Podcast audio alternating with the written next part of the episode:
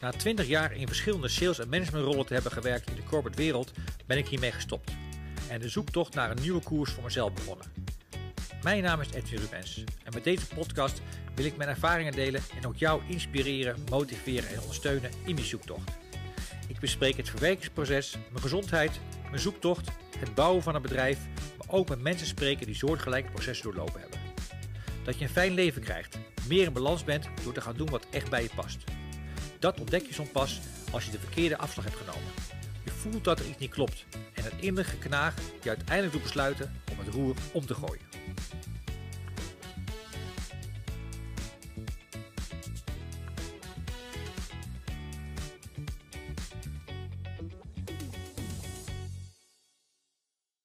Hallo lieve mensen.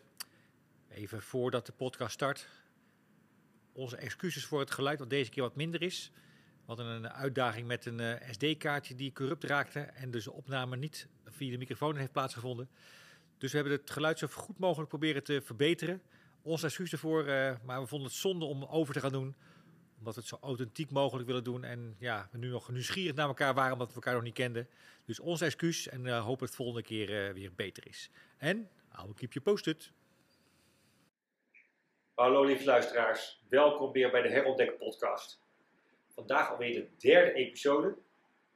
En ik weet niet of jullie het ervaren hebben, maar toen ik mijn baan achter me liet, na acht jaar te hebben gewerkt in de corporate wereld, kwam ik eigenlijk heel onverwacht in een rouwproces terecht. Met pieken, dalen. Eh, ik was gestopt omdat ik ja, er geen energie meer van kreeg. Maar die pieken en dalen, ik was boos, ik was verdrietig, ik was gefrustreerd, ik was blij. Ja, en dat hele proces had ik me eigenlijk niet van tevoren niet gedacht dat dat zou plaatsvinden.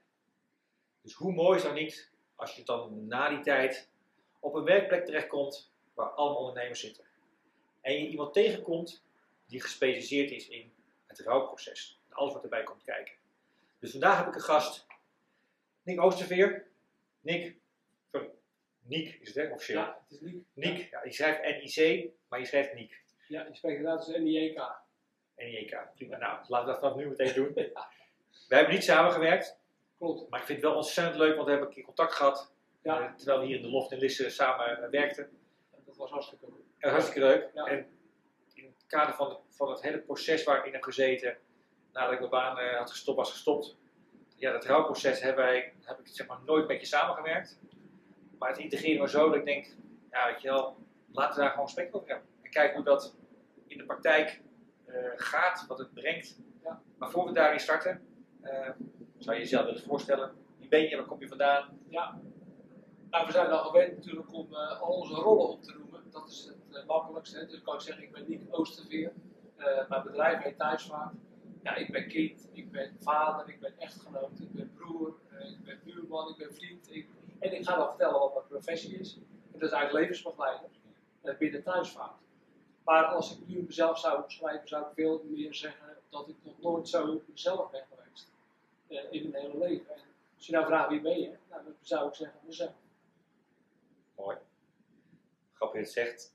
Dan zeggen, mensen zeggen altijd, ja, ik ben eh, manager, of ik ben eh account manager, of ik ben secretaresse, Ja. of is allemaal rollen. directeur, allemaal rollen. Allemaal rollen. En ja, ben je, ben je je rol? Weet, dus dan zijn we zo geïdentificeerd met dat deel.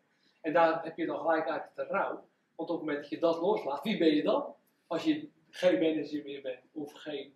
Hè? Dus dan kom je, kom je op, een, ja, op een lege plek, zou je kunnen zeggen. Ja. Want wie ben je zonder je baan? Nou, laten we die even vasthouden, dat ik zo meteen wel op terugkomen, wat, wat ik daar ervaren heb. Want je raakt het nu aan, we hebben het niet voorbesproken op die manier. Ja.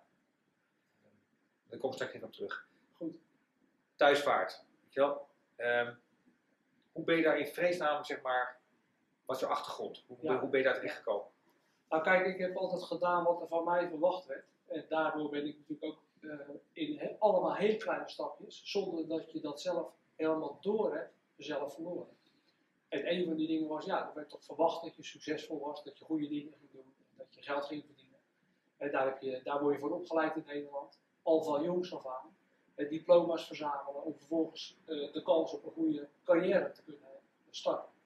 Nou, zo eh, ben ik uiteindelijk in de financiële dienstverlening terechtgekomen. En ben ik ruim 20 jaar eh, eigenaar geweest van een financieel adviesbureau. Eh, dus daar hebben we in, ook in finance hebben we een stukje gemeenschappelijke historie, zou je kunnen zeggen. En ehm, ik heb dat met echt heel veel plezier gedaan. Het heeft me namelijk heel veel talenten gebracht. Maar het allerleukste van die gesprekken, dat vond ik wel op mensen in die financiële begeleiding. Kijk, als je het hebt over bijvoorbeeld geld en seks, dat zijn thema's waar ook een beetje taboe op ligt en waar je vertrouwen voor nodig hebt. En ik heb dus heel veel vertrouwen ontwikkeld in mezelf en in de ander. En daardoor had ik hele fijne gesprekken met mijn cliënten.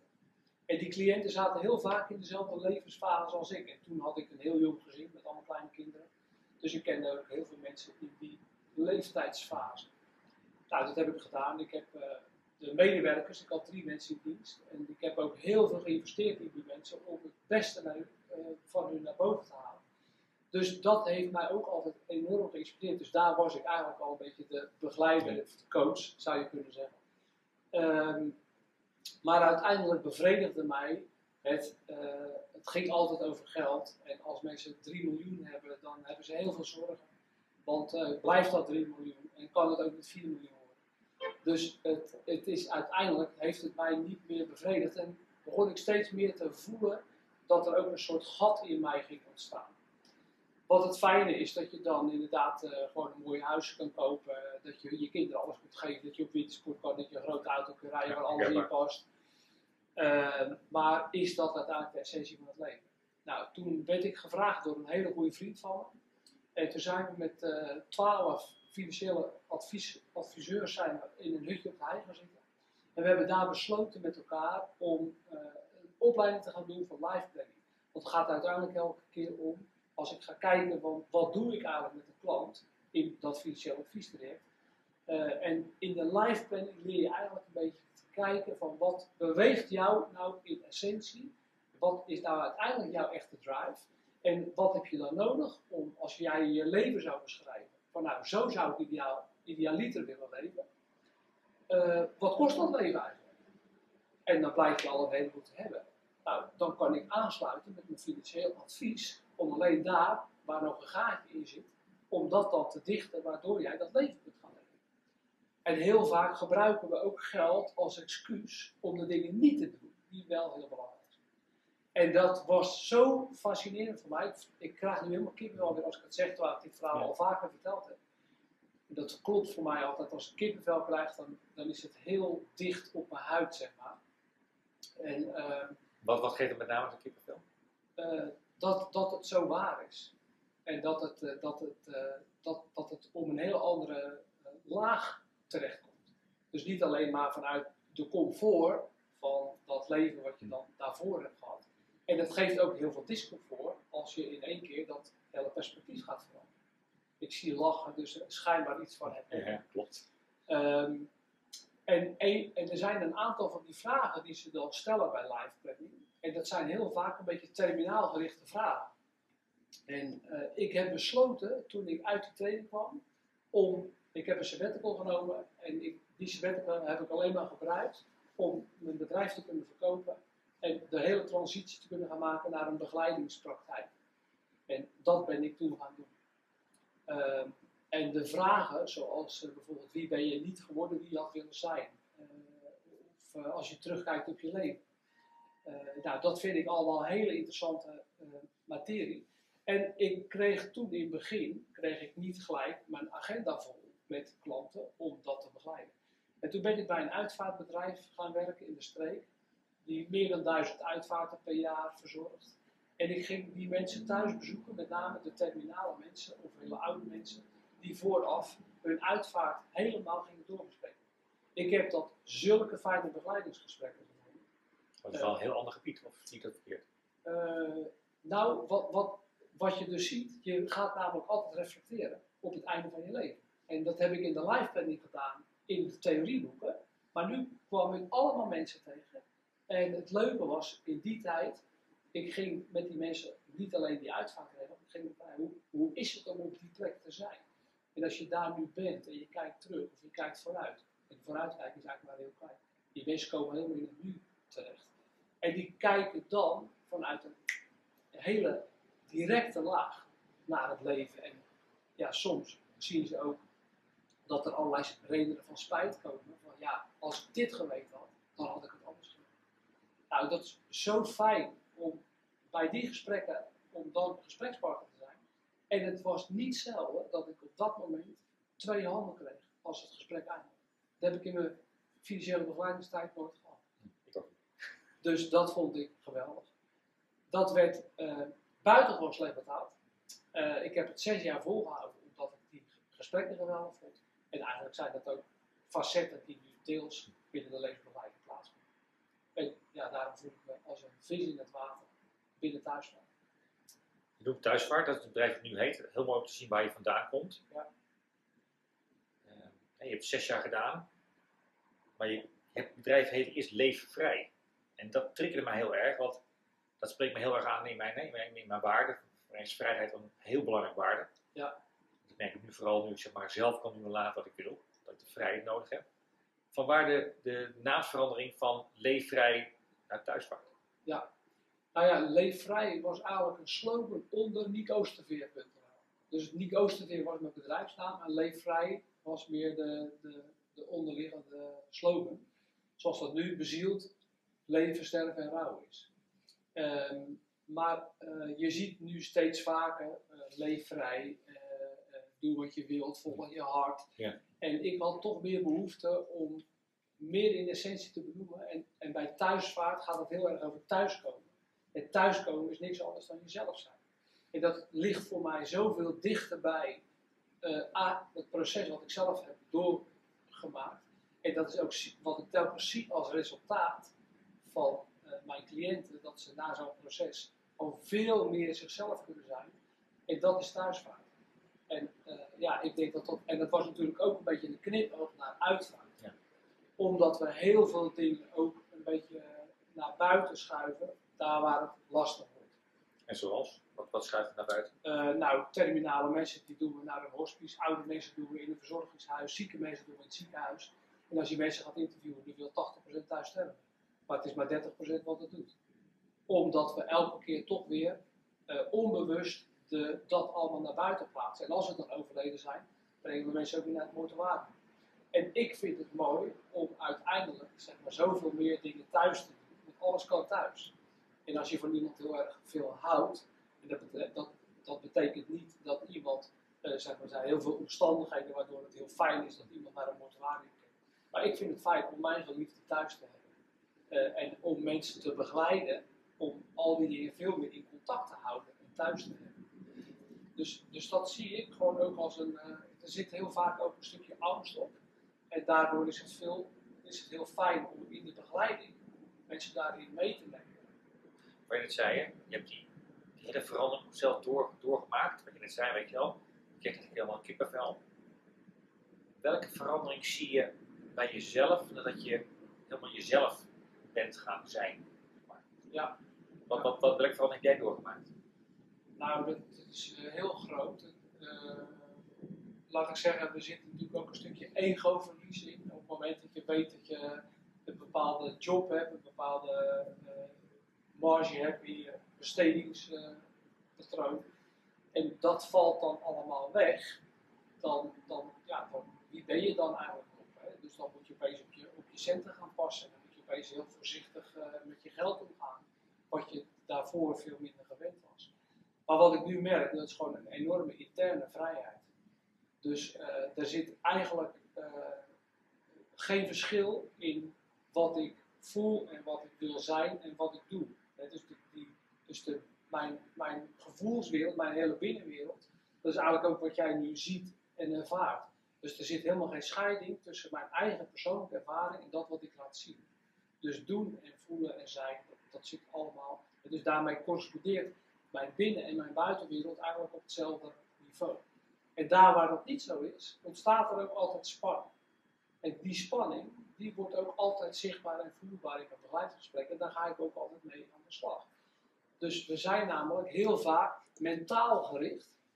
Eh, dat, dat is natuurlijk ook weer hoe het systeem werkt. Hè? Dat we als zesjarigen, we, we krassen wat en daarna gaan we de eerste kleurplaat in groep 3 maken. En dan krijgen we opeens geen plaatje van de juf omdat we buiten de lijntjes kleuren. We moeten allemaal binnen de lijntjes gaan kleuren. En we moeten telkens proefwerken maken, tentamens en diploma's gaan verzamelen. Om vervolgens weer in persoonlijke ontwikkelingsplannetjes te komen en, en, en Ja, dus het is altijd binnen zo'n frame. Kun jij een voorbeeld geven waarin, dat ik zo meteen graag ook even delen wat, wat, hoe dat, wij, hoeveel overeenkomsten wel niet hebben, veel meer dan ik had verwacht. Hoe je bijvoorbeeld nu anders bent dan daarvoor. Je bent nu, hè, je, bent, je doet, je voelt en je zijn is hetzelfde. Ja. In je financiële job. Toen je financieel, wat, wat deed je daar, was je, was, wat was je anders dan nu? Voorbeeld geven? Nou, ik heb eh, veel minder een agenda. Kijk, je, bent, je zit op dat moment in sales, dus je bent toch open verkoper. Dus je gaat dus ook financiële producten verkopen, je gaat die mensen daarin begeleiden. Eh, je bent veel meer gericht op al dat soort diensten. En ik ben nu veel vrijer. Eh, ik kan net tegen jouw podcast ja of nee zeggen. Nou, ik vind alleen maar leuk en ik zit hier. Terwijl ik eigenlijk heel weinig van jou weet. Maar het voelt ergens, voelt het gewoon goed. En dat vertrouw ik. Dus die, dat, dat, dat onderbuikgevoel, die intuïtie, om dat gewoon telkens te vertrouwen. En dus in die vrijheid heen en weer te kunnen gaan. Eh, zonder daar een hele agenda op te hebben. Dus het geeft gewoon heel veel interne vrijheid. Dat herken, dat herken ik ook. Wat je net zegt, hè, terwijl ik in IT werkte, en directiefunctie, eh, wat ik straks ook tegen je zei al, van, mijn agenda was 80, 70, 80 was geport. Ik had calls van 8 uur 's morgens tot 6 uur 's avonds. Op de bühne. Eh, weet je wel, want je zit, in een commerciële rol Ja, ja, en naar buiten toe. En natuurlijk, ik was veel, wilde zeer veel mezelf zijn. Ik ben van oorsprong energiek, positief ingesteld. Maar ik kan je ook wel zeggen, en dat, dat thuis komt het ook wel, altijd- wel, wel eens eruit. Weet je, wel, dan kwam wel de ontlading, kwam wel de emotie, kwam wel de vermoeidheid. Weet je, aan de buiten was ik dan weer een professionele persoon. Ja. Die, weet je, het leek alsof er niks aan de hand was, precies. maar het Ja. matchte niet helemaal meer. Ik werd steeds meer een andere persoon thuis dan dat ik buiten dus, de dat, dus, dus daarmee heb, is er dus zeg maar, geen, geen één op één relatie meer met wie je bent en wat je doet. En dat komt steeds dichter bij elkaar. En uiteindelijk is het voor mij belangrijk wie ik ben en wie ik wil zijn. En wat ik doe is dan veel minder belangrijk. Ja. En tegelijkertijd is vanuit wie ik ben, dat ik nu thuisvaart doe, ja, dat Ja. komt één op één. Dat is, Ja. dat is ook wat ik ben. Dat is ook waar ik voor sta. Goed dat je het zegt, want hè, thuisvaart, ik lees hier even op, de plek voor verbinding met jezelf als levenskunst. Dat klinkt heel zwevig, heel zwaar, heel, weet je wel, misschien heel gek voor sommige mensen. Vind je dat zo? Is dat zo? Voor Nou ja. jou? Hoe is het voor jou? Klinkt het voor jou? Het klinkt voor mij nu als heel gewoon. Oké. Eh, weet je, maar de verbinding met jezelf als levenskunst, weet je wel, toen ik in de corporate wereld zat, was dat wel iets heel geks. Ja. Weet je, er werd eigenlijk niet over gesproken. Nee. Eh, Maar daarom zit die wereld ook soms een beetje raar in elkaar. Ja, ja, ik ben niet de eerste die het zegt, dat zijn de, vorige gast ook al. Moet je, moet je maar eens luisteren. De, Ja, de, de, de episode nummer 2 waarin het heel duidelijk aangeeft wat zijn eh ervaring en beeld Ja. op de corporate wereld versus waar ik het beeld had over de, hè, de, de, de, de spirituele of de meer persoonlijke wereld of de, de andere zaken. Ja. Wat grappig is, dat ga ik dat zeggen, dat zegt. wel, ik ben daar nu veel meer naar op, naar op zoek. Wat je zegt, wat, wat voel je? Hè? Voelt de intuïtie goed? Eh, voelt het gesprek goed? Voelt wat je gaat doen goed? Weet je wel? En het klinkt een beetje gek, weet je wel. Ik, ik ga zeker doen wat ik gewoon allemaal wat ik leuk vind. Ja. Eerst vind ik het leuk en daarna word ik dus zes jaar of nee. Ja. Dat is natuurlijk wel makkelijk gezegd, maar dat geeft wel veel meer de, die vrijheid die jij ook zegt. Ja. Eh, ik bepaal nu maar zelf mijn agenda. Ja.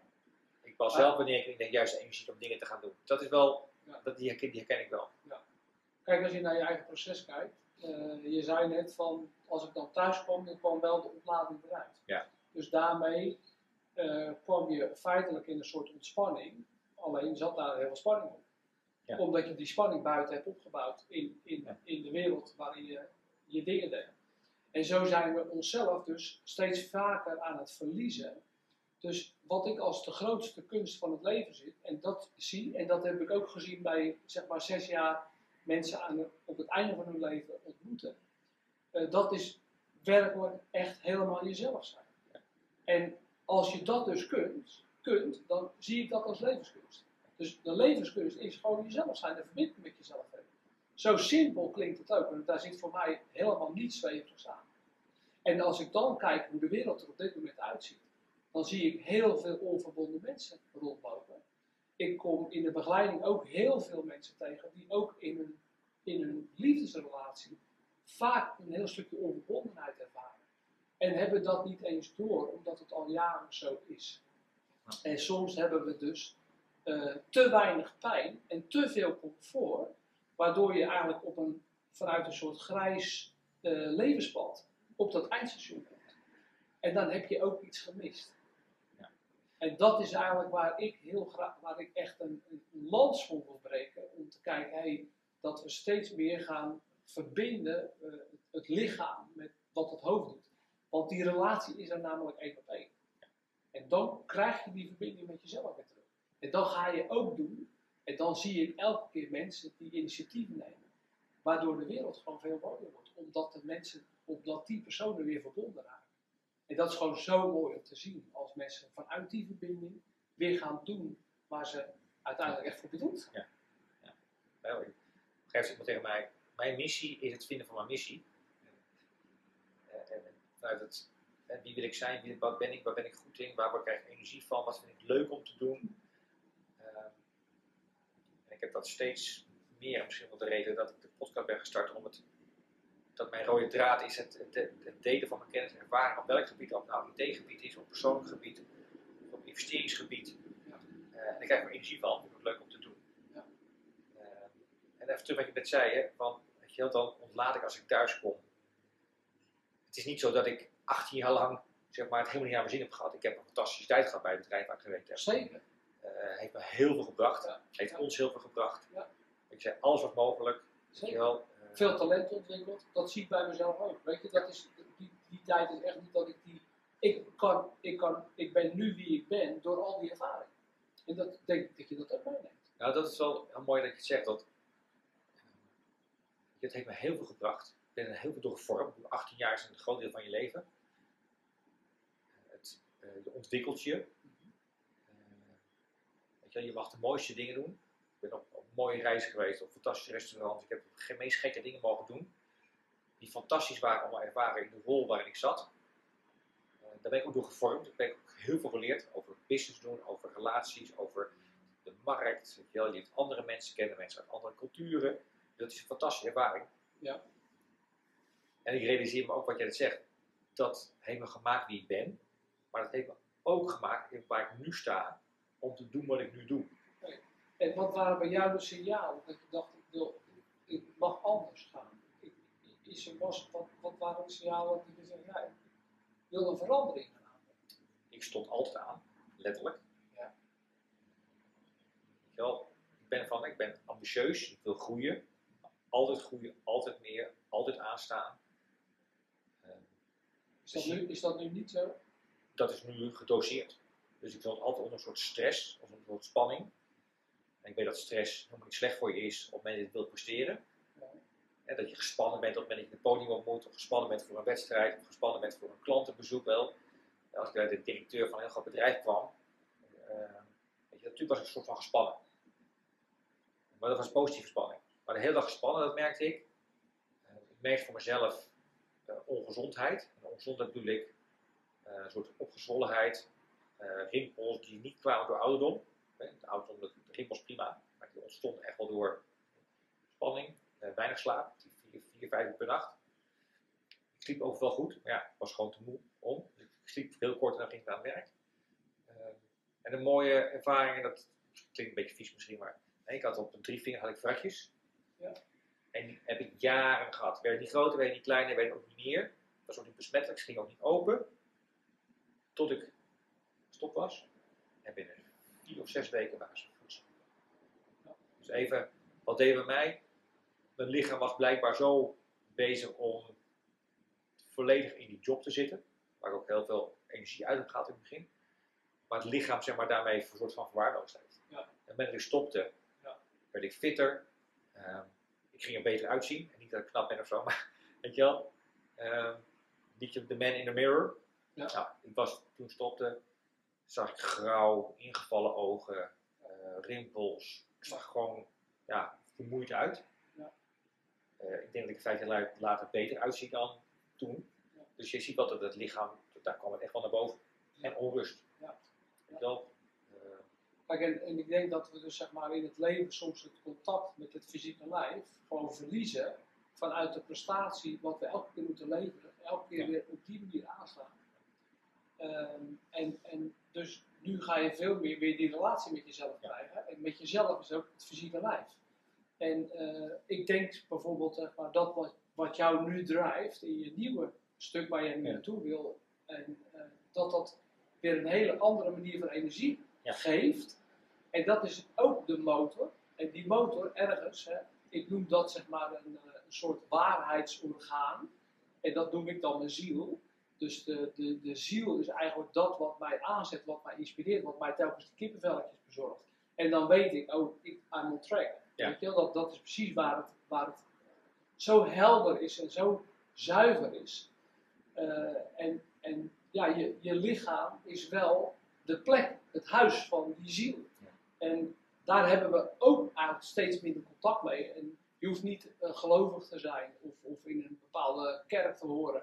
En maar uiteindelijk gaat het over hoe kan ik bezield de dingen doen die ik heb. Ja. Daar dat ik besloten toen heb aangepast en gezegd, ja, het gaat over bezield Ja. leven, sterven en rouwen. En dat betekent alleen maar, wat, wat zet jou van binnen aan?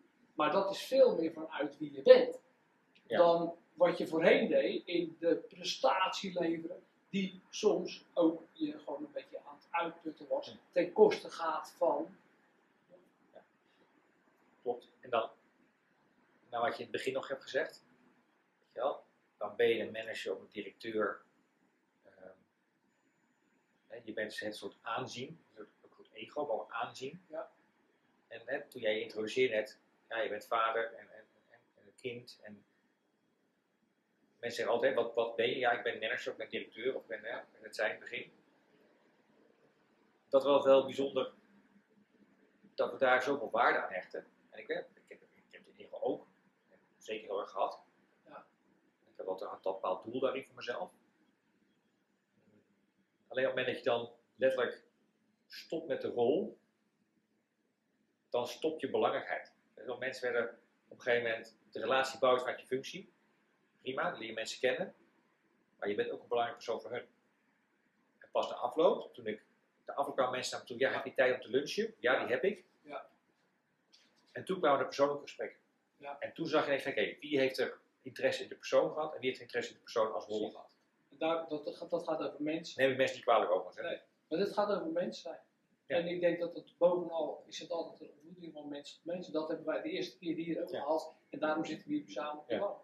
En dat gaat erover, hoe kun je elkaar als mensen zien en als mensen ontmoeten. En zo zit ik ook in mijn begeleidingsgesprekken.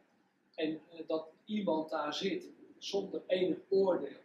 En dat mensen gewoon kunnen kijken, ja, wat speelt er nu in mij? En waar wil ik naartoe? En soms weet ik niet eens waar ik naartoe wil. Ja. Dat je al die dingen kunt benoemen. En dat, gaat alle, dat worden allemaal ervaringen. En Dat is niet alleen maar vanuit het hoofd. Dat ga je dan ook echt ja, toelaten. En ik denk dat dat een heel, ja, heel, heel behulpzame manier is te ontwikkelen. Misschien om de luisteraar extra trekken. Ik heb eh, drie dingen van jouw eh, website gehaald. Het net al over, hè, thuis waar het voor staat. De verbinding met, je, met, met jezelf als levenskunst. Ja. Levensbegeleiding. Eh, ja, dat is nummer één. Ja. Levensbegeleiding in levenskunst. Niet weten waar het schip strandt is minder erg dan de boot missen. Ja. Wat wil je daarmee zeggen? Nou, volgens mij is dat, eh, maar dan ga ik het een beetje invullen, precies het proces waar jij nu in zit. ja, wacht hoor. Eh, kijk, je, je, je, je voelt dat je eigenlijk die hele businesswereld aan het verlaten bent. Ja. En je weet nog niet precies waar je naartoe gaat. En toch zit hier een hele eh, man die ook aanstaat. En ook helemaal geïnspireerd is. Dus je weet nog niet waar het naartoe gaat. Je weet nog niet wat uiteindelijk de bestemming gaat worden. Maar wat je nu doet is veel meer, dat je veel meer aansluit op, op wat, jij, wat jij, waar je naar verlangt. Wat, Ja. wat je graag wil. Ehm, dus dat, eh, het, is, het, is, ik ga afscheid van iets nemen, maar ik weet nog niet precies waar ik naartoe ga. Maar het feit dat je iets, iets gaat volgen waar je nu ja, ergens wel een heel goed gevoel bij hebt, en dat is eigenlijk wat er dan op dat moment in beweging komt. En dan is dat, dat je die beweging gaat volgen, eh, in plaats van dat je blijft kiezen voor de stress, waar ook een soort comfort in zit, namelijk je weet altijd de uitkomst. Je weet al Ja. je jaaropgave voor volgend jaar. Eh, en en dat, dat wordt nu allemaal veel onzeker. En daar zit tegelijkertijd heel veel energie in. Ja, en ook, hè, kan het komt zo weer over het rouwproces. Het, Ja. Weet je wel, ik wist ook helemaal niet wat ik ging doen. En zeggen wel eens, hè, mooi, mooie slogan. hè, Ik, ik, twijfel of het waar is. nou, ik voelde wel dat het anders moest. Dat bedoel ik. Als je zegt wel eens, als je één deur dicht gaat, gaat een andere deur open. Dat gebeurde ook wel. Ja. Eh, de mensen vonden het dapper. Ja. Weet je wel? En als je iets, ik, voor mij had ik vandaag een post van, als je iets, iets anders wil, moet je eerst afscheid nemen van dingen die je niet wil. Precies. Dat was wel een beetje het, ja ik weet niet, op een gegeven moment gebeurde zoiets en dan, weet je wel, ik was, ik was 47 jongens. Ik ga het nog, niet nog vijf jaar volhouden voor mezelf. Ik ga het anders, en wat het andere was, weet ik niet. Dat is die herontdekking, en waarmee ik ook de, podcast nou, uiteindelijk nu ben gestart na, na zes jaar na, dato. Dat herontdekken van jezelf, het herontdekken van de koers waarin ik wil varen, de herontdekken van mijn persoon, mijn lichaam, mijn gezondheid, eh, financiën, eh, business, weet je is, is, zo'n proces, en die is niet altijd makkelijk, kan ik je zeggen. Dan kom ik zo op hoe, dat in, in het trouwproces gaat. Eh, ik, heb ook spijt, ik heb ook helemaal geen spijt van, maar het is wel een heel bijzonder proces. Zeker. Maar kijk, er zijn een aantal dingen die ik terughoor bij jou in, de, in die transitie die je gaat maken. Er is ook iets van onvrede, iets van, nou, dit wil ik niet meer blijven doen. Klopt. Dus daar begint al iets te knagen. En op een gegeven moment kom je op een plek van, nou, tot, tot bijna elke prijs, ik ga nu wel dat veranderingstraject inzetten. En dan heb je de moed nodig om een deur te sluiten. Eh, daarom vind ik bijvoorbeeld afscheid nemen een heel belangrijk, het is bijna een ritueel. Zelf heb ik een keer afscheid genomen van een hele grote opdrachtgever, waar ik ook niet lekker meer in mijn vel zat. En toen heb ik zo een geweldig afscheid gekregen, dat ik er bijna spijt van kreeg dat ik wegging. En toen, een half jaar later, eh, toen vroegen ze mij voor een dingetje terug. En van lieverlee ben ik daar nu weer veel meer aan mee. Maar nu helemaal vanuit wie ik ben en dat ik doe vanuit wie ik ben, mijn opdracht aan. Heb ik nu veel meer ruimte en veel meer respect. En dat is ook wat bijvoorbeeld afscheid oplevert. Dus afscheid is een afsluiting. En op dat moment ontstaat er ruimte. En in die ruimte ga je wel voelen dat er al een beweging ontstaat waar je naartoe wil. Ook al is het niet helemaal nog precies. Maar je hebt wel ook ruimte nodig. Want in die, in die volledige, vol stress job, waar je compleet eh, in de nacht een paar uur aan het zuurstof moet om de andere dag weer dezelfde prestatie te leveren, dan kom je nooit in de creatieve fase. En we hebben die creativiteit nodig. En dus heb je ruimte te creëren. Nou, dat helpt ontzettend als je de deur dicht doet. En dan komen er altijd heel veel kansen. Nou, je zegt het? Deur dit doen, ruimte creëren. Jij hebt een sabbatical genomen naar je financiële eh, Ja, baan. Ik heb een sabbatical genomen naar mijn IT-job. Ik wilde negen maanden.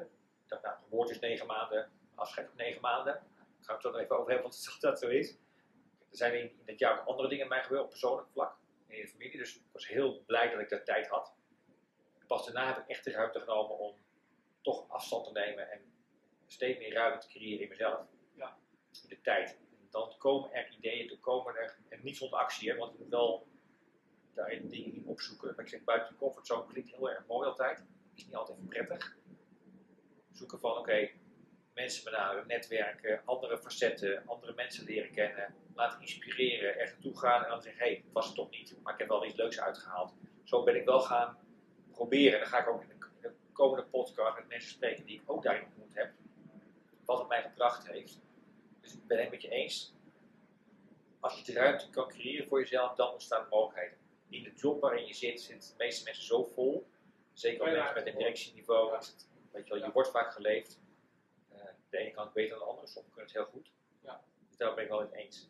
Hey, Ik, we hebben- wil, ik wil even inhaken op wat je zegt. Ik, ik hoor namelijk ook een heleboel dingen die je dan gaat doen. Dus je stopt en je gaat van alles, alles ontwikkelen, overal naartoe netwerken. En ik, ik voel daar ook bijna een soort alsof het bij, bij mij de adem beneemt als je dat vertelt. Ehm, ik heb zelf eh, eh, drie maanden sabbatical genomen. En toen ben ik twee weken lang alleen maar mijn schuur gaan opruimen en de tuin gaan doen. Ik dacht, oh nu doe ik nog 2,5 maand. Toen heb ik er wel twee maanden bijgenomen. En eh, het enige wat er, wat er gebeurt is dat je die verandering eigenlijk gaat vormgeven.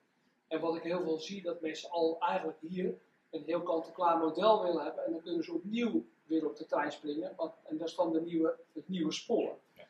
En ik ben nu, ehm, even kijken, ik heb, die verandering is bij mij in 2007 eh, ontstaan. De transitie heb ik gemaakt in 2007. En feitelijk ben ik nog steeds onderweg op dat nieuwe spoor. En je hoeft dat helemaal niet allemaal nu al te weten. En dan kun je weer op dat nieuwe spoor gaan denken. Want het blijft zeg maar, zich steeds verder ontvouwen en specificeren. Ehm, en ik denk dat het dan ook goed is om af en toe even juist de leuning te gebruiken. En dat we veel minder hoeven gaan doen. Want die antwoorden die komen vanzelf. En die komen dus vanuit onszelf. En daarmee maak je ze steeds meer voelbaar dat het vanuit een verbonden zelf.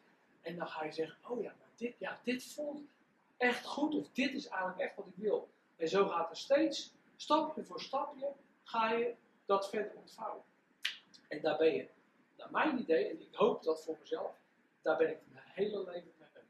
En ik hoop dat er in mijn terminale fase straks zeg, ik had nog veel meer, want ik ben nog helemaal niet klaar. Maar ja, en dat is wel wat, wat me gewoon heel erg inspireert. Wat mooi dat je want het is stapjes. Ik heb een hele mooie relatie overgehouden aan een van, eh, van mijn klanten. Uh, IT-directeur bij een uh, groot multinational geweest. Daar ga ik elk half jaar nog mee lunchen. Hij is al met pensioen. En die zei tegen mij tegen me, joh, weet je wel, je hebt nu de tijd om dingen te proberen. Ga even rust nemen. Ga even doen. Dat is niet leuk. Ja. Weet je, dan ga je iets anders doen. En ik heb laatst met een geluncht. en ja, hij heeft even wel gelijk. Of de reden, ik, ga niet gewoon starten. Krijg er energie van, vind ik het leuk. Alleen, we zijn ook zo opgevoed van, ja, maar je moet starten en dat moet je dan de hele tijd doen. En je gaat een baan en dan blijf je ook heel lang. Het lifetime employment bestaat niet meer. Alleen zo zijn we ook een soort van gevormd. Al ziet de nieuwe generatie veel meer van, nou, weet je, ik doe iets en dan zes weken denk ik, nou, het is geen leuke job, ik doe iets anders. Uh, heeft ook zijn voor- en nadelen. Maar weet je, de ruimte creëren en het laten gebeuren. En daarom heb ik gezegd, weet je, ik ben er nog helemaal niet. Ik ben nog steeds in dat proces. Zeker. Alleen, wel, de dingen die ik gedaan heb, ik hoop wel dat ik mij daar mensen mee kan inspireren. Of hè, mensen zoals jou heb ontmoet, die vanuit professie en ervaring mensen daarin kunnen ondersteunen, begeleiden, whatever. Dus, weet je wel, ik, heb heel veel mensen hebben me daarin geholpen. En is dat de, de juiste weg? Ik weet het niet. Maar ik heb daar een bepaalde keuze in gemaakt. En, En dat is altijd goed. En, dat, en dat is altijd een puzzelstukje te geven. We hebben het over hè, de, de levensbegeleiding bij uh, Thuisvaart. Uh, sterfbegeleiding hebben we het kort over gehad. Je schrijft heel mooi: levensbegeleiding in het zicht van de haven. Maak bewuste keuzes die je kwaliteit van het leven in de resterende tijd vergroten. Ik ga weer verhalen. Maak bewuste keuzes die je kwaliteit van leven in de resterende tijd vergroten. Zeg ik, waarom zou je die keuzes pas maken op het moment dat je daar bent? En waarom zou je die keuze niet vandaag al maken, ongeacht je leeftijd? Ja, die, dat is een hele goede vraag. En dan ben je in de levensbegeleiding. Hè? Dus, maar op het moment dat je het hoort van ik heb nog maar een half jaar te gaan, dan heb je die keuze. Die keuze is dan Ja. daar niet meer. Dus nu, is- dan is de enige keuze nog hoe kun je de kwaliteit van dat half Ja, jaar oké. gewoon doen. En dan kom je nog wel eens tegen dat mensen onafgemaakte zaken hebben liggen. Of onafgemaakte relaties waar nog dingen geheeld kunnen worden. Dat kan van heel dichtbij zijn. Dat kan ook wel verder zijn. Het kan ook zijn dat je zegt, hé, hey, ik wil alvast allerlei dingetjes voorbereiden. Met betrekking tot de uitvaart en tot de periode daarna. Je een beetje over je graf heen gaat regeren voor je familie. Eh, het kan ook zijn dat je zegt, nou ik heb nog wel bepaalde wensen, nu ik in het begin nog wat fitter ben. Want je ziet wel dat de energie, eh, naarmate de, de dood dichterbij komt, dat de energie afneemt. Dus zijn er nog bepaalde dingen die daarin nog belangrijk zijn, die je ook nog wil gaan doen. En dan ook nog eh, iemand zeg maar, begeleiden dat de regie bij jou blijft liggen. En dat die niet onbedoeld bij de arts komt. Want elke keer krijg je nog een klein. Nou, we kunnen dit nog doen. Maar eh, we worden steeds vaker een onderdeel van een experiment. Waarbij we dan uiteindelijk weer moeten zeggen: ja, sorry dat dat toch uiteindelijk niet hielp. En dan ga je nog met 35 kilo eh, ga je nog het afscheid in. En dan is het ook de vraag van ja, tot hoe ver wil je gaan? Hè? Dus kun je daar ook al van tevoren een stukje regie op houden, waarbij je zelf dus de regie. En je vraagt wel de arts en allerlei andere betrokkenen om informatie. En vervolgens kun je kijken, ja, wat is dan in die periode belangrijk om in die tijd die je nog hebt, maximaal eh, te leven. En wat ik dan ook bijvoorbeeld heel mooi vind, we hebben het net over afscheid gehad. Ik ben een groot voorstander van afscheid bij leven. Omdat we zeg maar eh, heel vaak eh, tijdens een ceremonie na het overlijden gaan horen wat, eh, hoe belangrijk en hoe fijn die persoon eh, was. En, wat en, hoe fijn is het als je zo'n hele grote transitie moet gaan maken naar een wereld die we niet kennen. eh, dat je dan eigenlijk als een soort liefdesinjectie, een afscheid bij leven, dat, je dat we gaan vertellen waarom we om elkaar geven. En dus dan komt dat meest mee. Nou, dat is, dat is zo mooi heel, weer een kippenvel momentje. En, en, en, dat, en dan hoef je daarna eigenlijk nog maar iets heel kleins te doen. Het is veel goedkoper, het is zoveel waardevoller. En zo anderen kijk, niet dat, het, eh, dat ik dat zou gaan opleggen, maar ik wil het erover hebben. Hoe zou het zijn? Uh, om, en dan zie je namelijk ook, stel dat, dat het je vader of moeder betreft, dat je als kind, dat je als, als familie, dat je dus kunt, nou, het enige wat je zichtbaar en voelbaar maakt is liefde. Nou, dat vind ik fantastisch. En dan, maak je, dan, dan kan iemand anders heel anders gaan. En, en de achterblijvers gaan op een heel ander niveau beginnen aan het rouwproces. Dus dat is weer over afscheid nemen. Ik vind het wel mooi dat je zegt, het is, voor mij is het een zwaar, voor mij nog best wel ver proces. Dat weet je niet. Want jij dat weet niet hoe Gelukkig weet ik, uh, ik heb gezegd dat ik 94 word, dus Ja. ik heb nog een jaartje of 40 te gaan. Ehm, hè, dus mensen waar voor wel toepassing is, neem ik mee. Ja, Als ik zeg maar de stappen in thuisvaart bekijk, zoals ik zo ik dan zie, heb je het rouwproces, het, de, levensbegeleiding en de rouwbegeleiding. Ehm, als ik even ga naar het, sorry, de, en de, de stervensbegeleiding. Als ik even ga naar het rouw, rouwgedeelte. Ja. Wat, en dat kan zijn bij afscheid van mensen, maar even in het kader van het afscheid nemen van je baan, van je bedrijf, van je, Ja. zei je afscheid. Waar ga je doorheen als persoon? Wat, kunnen, wat kun je verwachten als je zo'n stap neemt? Want het, ik heb in ieder geval ervaren dat het, dat het meer impact op mij al in het rouwproces had dan ik überhaupt over na had gedacht. Ik had er helemaal niet over nagedacht overigens. Je had het ook niet zich gezien als een rouwproces. Nee. Nee, maar ik kom zo op hoe ik het ervaar. Wat, wat Ja. zie jij als, wat, wat, gaat er, wat, wat zijn de stappen die je doorloopt? Wat, wat zijn de fases? Of, Ja, nou kijk, ik, ik, ik, ik kijk niet helemaal naar fases, want wat ik als, als rode draad zie, is zeg maar dat we hebben altijd een bepaald perspectief nodig. En op het moment dat jij kan zeggen, ik ben manager, nou dan weet je het, en dan, dan, zit je in een bepaalde trein. En op het moment dat dat dan wegvalt, of je voelt eigenlijk aan je hele lichaam of aan je hele systeem, ja, dit, dit ga ik niet volhouden, dit is niet meer wat me echt gelukkig maakt. Maar ik weet nog niet waar ik wel naartoe ga dan kom je in dat, in dat stukje niemandsland.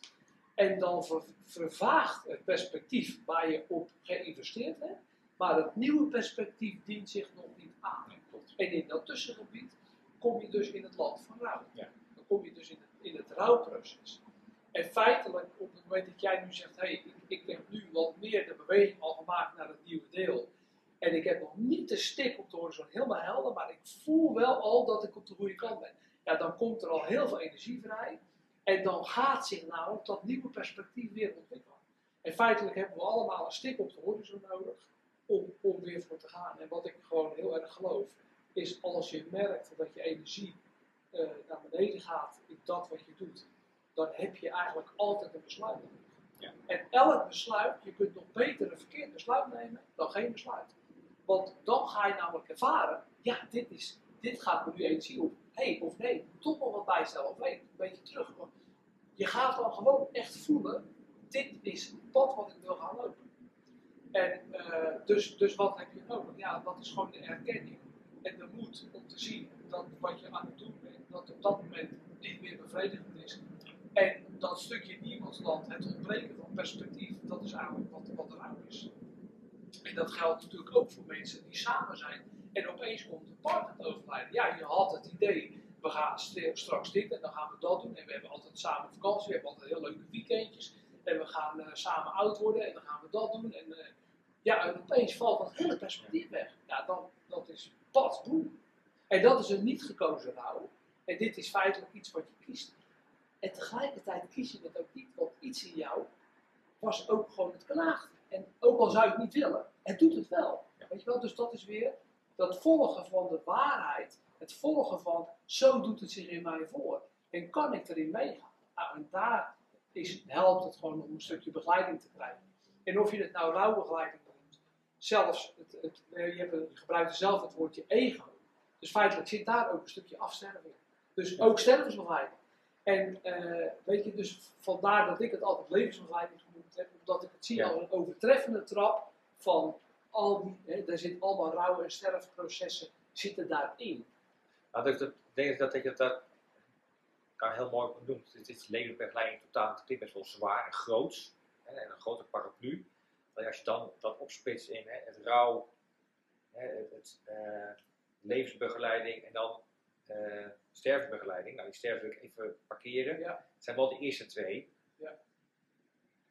Eh, had ik daar behoefte aan gehad om daar begeleid te worden dat stuk? Ik denk voor de eh, erkenning of voor het misschien wel verwachting, want zo ben ik misschien. Je, ik ben blij geweest, ik ben verdrietig geweest, ik ben boos geweest, ik ben gefrustreerd geweest, ik ben vol energie, ik ben zonder energie, ben ook daar het garage gaan opruimen, gaat mijn energie. Ook daar dat ik helemaal niks deed. En ik denk, hoe kan dat nou? Nu heb ik eindelijk de tijd. En nu komt er helemaal niks uit mijn handen. Een soort opladen van de accu blijkbaar. Ehm, maar die fases ga ik door en die herken, ik, herken je ook. Weet je wel? En nu merk ik in mijn huidige hè, leven waar je nu, bent. nu ben, van joh, als er dan ergens iets van rouw is, dus nou, je hebt iets verloren of eh, is iets mislukt, weet je, dan laat ik het ook even gewoon gebeuren. Dan heb ik ook nu de ruimte en de vrijheid, wat jij zegt, om te zeggen, nou, weet je wel, vandaag heb ik even niet de inspiratie of de energie Ja. en ik doe het morgen. Ja. Weet je wel, een super voorbeeld. Ik wilde gisteren de vorige podcast editen. Ja, had ik, ja, weet je wel, nu is de energie gewoon op. Eh, vandaag deze leuke, dit leuke gesprek en straks weer nog één. Ja, en dan morgen ga ik editen. Ja. Dan, en wel, laat ik het gewoon nu veel meer vloeien en dat proces ook accepteren. Al is dat niet altijd even makkelijk. Dus dan kan ik wel de luisteraar meegeven. Als je wel besluit neemt. Ik wil niemand stimuleren om besluit te nemen om zijn baan op te zeggen overigens. Om te stoppen. Alleen, daar gaat het uiteindelijk ook niet over. nee. Eh, je gaat een proces in en accepteer dat. Ja. En het kan ook hele mooie dingen geven en ook hele minder mooie dingen. Ja. Want ik heb ook dagen denk ik, ja, wat doe ik eigenlijk?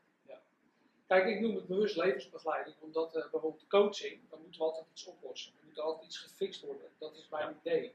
En het enige wat ik doe is een stukje naast je lopen en met je meekijken. Eh, en daarom noem ik het ook begeleiding. Ik hoef daar in principe niet heel veel in te doen. En tegelijkertijd gebeurt er heel veel.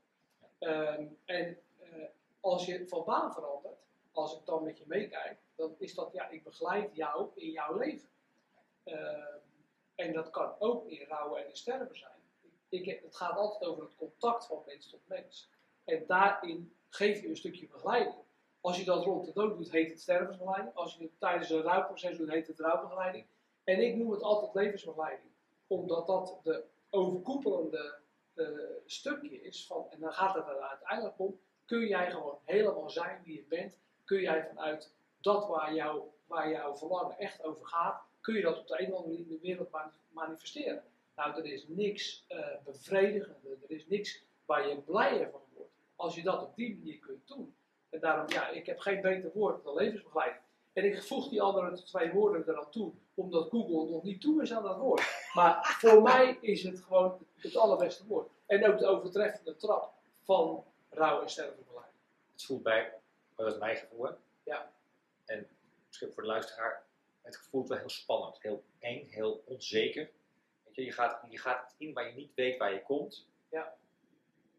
Nou, weet je welke zekerheid je hebt? Er zit namelijk iets schuurt er.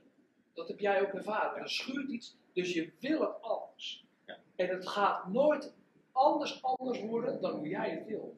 Dus je komt altijd dichter bij jezelf. Dus in die zin Ja. is het niet spannend. En ik moet je zeggen, ik heb in mijn begeleiding hebben we ontzettend veel lol in de trajecten, ook met cliënten. Want ze gaan natuurlijk ook een heleboel dingen gewoon bij zichzelf zien. Je gaat jezelf beter leren kennen. Maar heb ik dat al die tijd zo zitten doen, dat je dat, ja, hoe leuk is het eigenlijk? En dan ga je steeds meer zien wat er wel voor terugkomt. Dus het zijn ook gewoon hele fijne trajecten. Even Gelbert, hoe, hoe, pak je zo'n traject, aan? Hoe ziet het bij jou eruit? Nou, de eerste keer is, is, is het voor mensen soms een beetje spannend, maar op het moment dat ze de afspraak maken en de eerste gesprek hebben, dan zie je al dat er tussendoor heel veel gebeurt. Omdat mensen namelijk een besluit hebben genomen, ik wil het een beetje anders.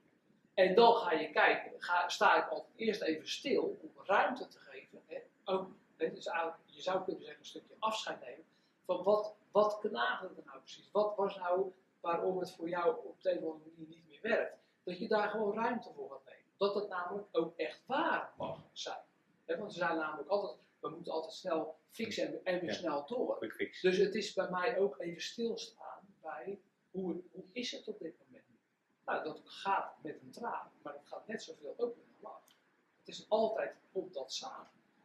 Zoals leven en dood samen horen, is lach en, lachen en huilen hoort ook samen. Ja, en, dat is, en dat je dus een plek gaat creëren waar je dat gewoon, zonder dat er iemand een oordeel over heeft, zonder dat iemand je een bepaalde richting in doet, of zonder dat het vandaag allemaal weer gefixt moet worden, dat je daarna gaat kijken.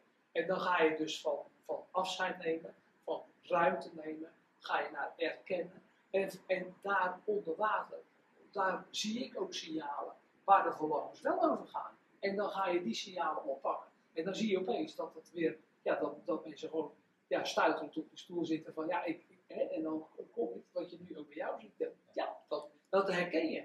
En dat ga ik ook benoemen. En dan zie je gelijk ook dat er heel veel fysieke, fysieke dingen gebeuren, reacties van je lichaam. Van blij worden, van, van rechterop gaan zitten, energie. En dan zit je altijd goed. En dat gaat veel sneller en directer dan dat je met je hoofd kunt bedenken. Want die hoofd staat eigenlijk altijd in de weg. En daarom geloof ik zoveel in, op het fysieke deel en buiten. Als mensen zeggen, hey, interessant.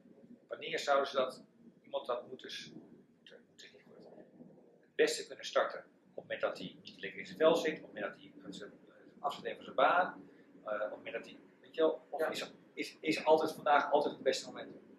Dat denk ik. En wat ik altijd kijk van, eh, eh, kijk, ik vind mijn leven gewoon heel belangrijk. En we gaan bijvoorbeeld wel, we stofzuigen wel elke dag ons huis. Maar hoeveel gaan we om met onze innerlijke wereld, onze binnenwereld? Dus ik vind het belangrijk om die binnenwereld aandacht te geven. En ik zie als ik die aandacht geef, dat de kwaliteit van mijn leven ook groeit.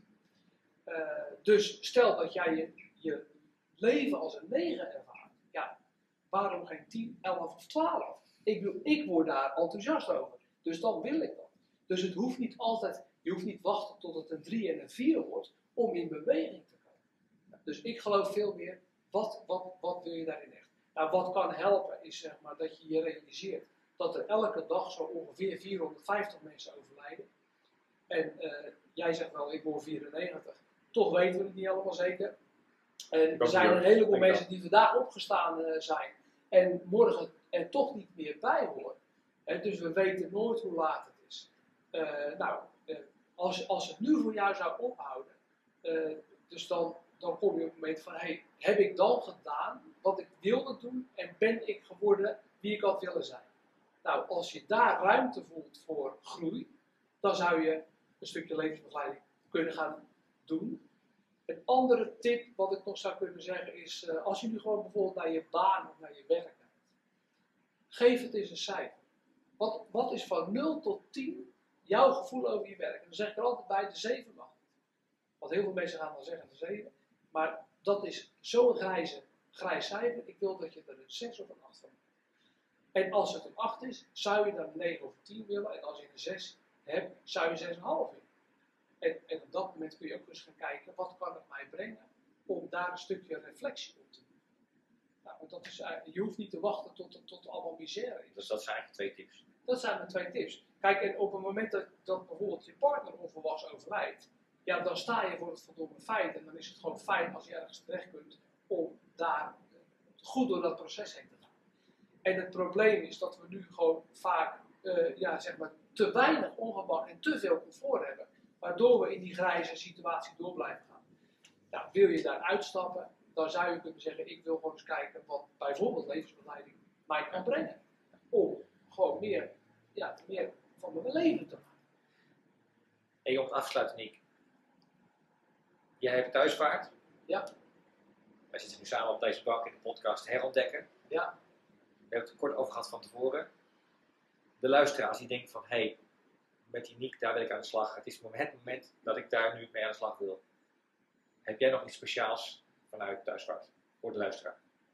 Nou, wat ik zou, wat ik zou kunnen doen is, eh, je zegt net, eh, het kan ook heel spannend zijn en ik weet niet waar het me gaat brengen. Dus wat ik zou kunnen doen is dat je gewoon gratis anderhalf uur bij mij een sessie gaat doen. Daar hoef je helemaal niet voor te betalen. Dan ben ik eens als ik, ja, dit is echt, daar wil ik meer van. traject stappen. Maar dan kun je gewoon eens proeven waar staat nou levensbegeleiding voor, ongeacht de specificatie leven, sterven of rouwproces. En dan kun je zeggen, ja, ik, ik wil dat gewoon een keer ervaren. En dan weet ik, ja, dit, dit, is, dit, dit, dit, dit voelt voor mij geweldig. Zonder enige verplichting. Zonder enige Ik denk een fantastisch aanbod. Mensen die daar gebruik van willen maken, als je je nummer niet meldt op thuisvaart.nl, Ja. website, daar kun je contact opnemen. Zo is het. Meld even dat je via de podcast herontdekken bent gekomen. Zo is het. Dan, Dan weet- krijg je de gratis dan sessie. krijg je de gratis sessie. Ja. Ik denk een fantastisch aanbod, want normaal doe je dat niet. Nee. Ehm, ik wil je ongelooflijk danken voor dit eh, hele leuke gesprek. Dus het heeft weer eh, heel veel inzicht gegeven. Ja. Weet je, dat, ik vind het mooi dat, ja, als je kijkt, van, het is levensbegeleiding en ik had een paar dingen opgeschreven. Weet je wel, het, het geeft vertrouwen, eh, dichter bij jezelf komen, eh, vanuit je gevoel, weet je wel, uiteindelijk de goede richting opgaan. Dus ik denk dat dat wel een hele mooie eh, afsluiting is voor, voor deze sessie. Dankjewel, lieve luisteraars. Dit was alweer de derde episode van de Herontdekken podcast. De podcast die inzicht geeft in de, koers die ik ben aan, aan het zoeken ben. nadat ik na 20 jaar in de corporate wereld heb gewerkt. Vind je het leuk? Vind je het interessant? Kijk ook even, luister ook even en kijk ook even naar de eerste episodes die geweest zijn. Er volgen binnenkort weer nieuwe. Als je het leuk vindt, like me even hieronder. Geef je comment, comments hieronder. Je kan me benaderen met nieuwe tips. Dus eh, ik zou zeggen, het was me weer een genoegen om eh, jullie eh, te inspireren en te ondersteunen in jullie reis. En ik zou zeggen, I'll keep you posted. Dank je Dankjewel. eh. Erg leuk. Yes. Dankjewel voor het luisteren naar de Herontdekker podcast. De podcast over de zoektocht naar een nieuwe koers na 20 jaar werken in de corporate wereld. Over de zoektocht op zowel persoonlijk, professioneel als financieel vlak. En het vinden van een balans daarin. De podcast waarin ik in gesprek ga met mensen die mij geholpen hebben in die zoektocht. Heeft deze aflevering je weten te inspireren, motiveren en ondersteunen in je reis? Laat het dan weten in de co- comments hieronder. Deel het met vrienden, bekenden en collega's en abonneer je op mijn podcast, zodat ook jij de volgende aflevering niet zal missen. Als je de vorige aflevering gemist mocht hebben, dan raad ik je aan om zeker de vorige podcast te luisteren. Tot de volgende keer en I'll keep you posted.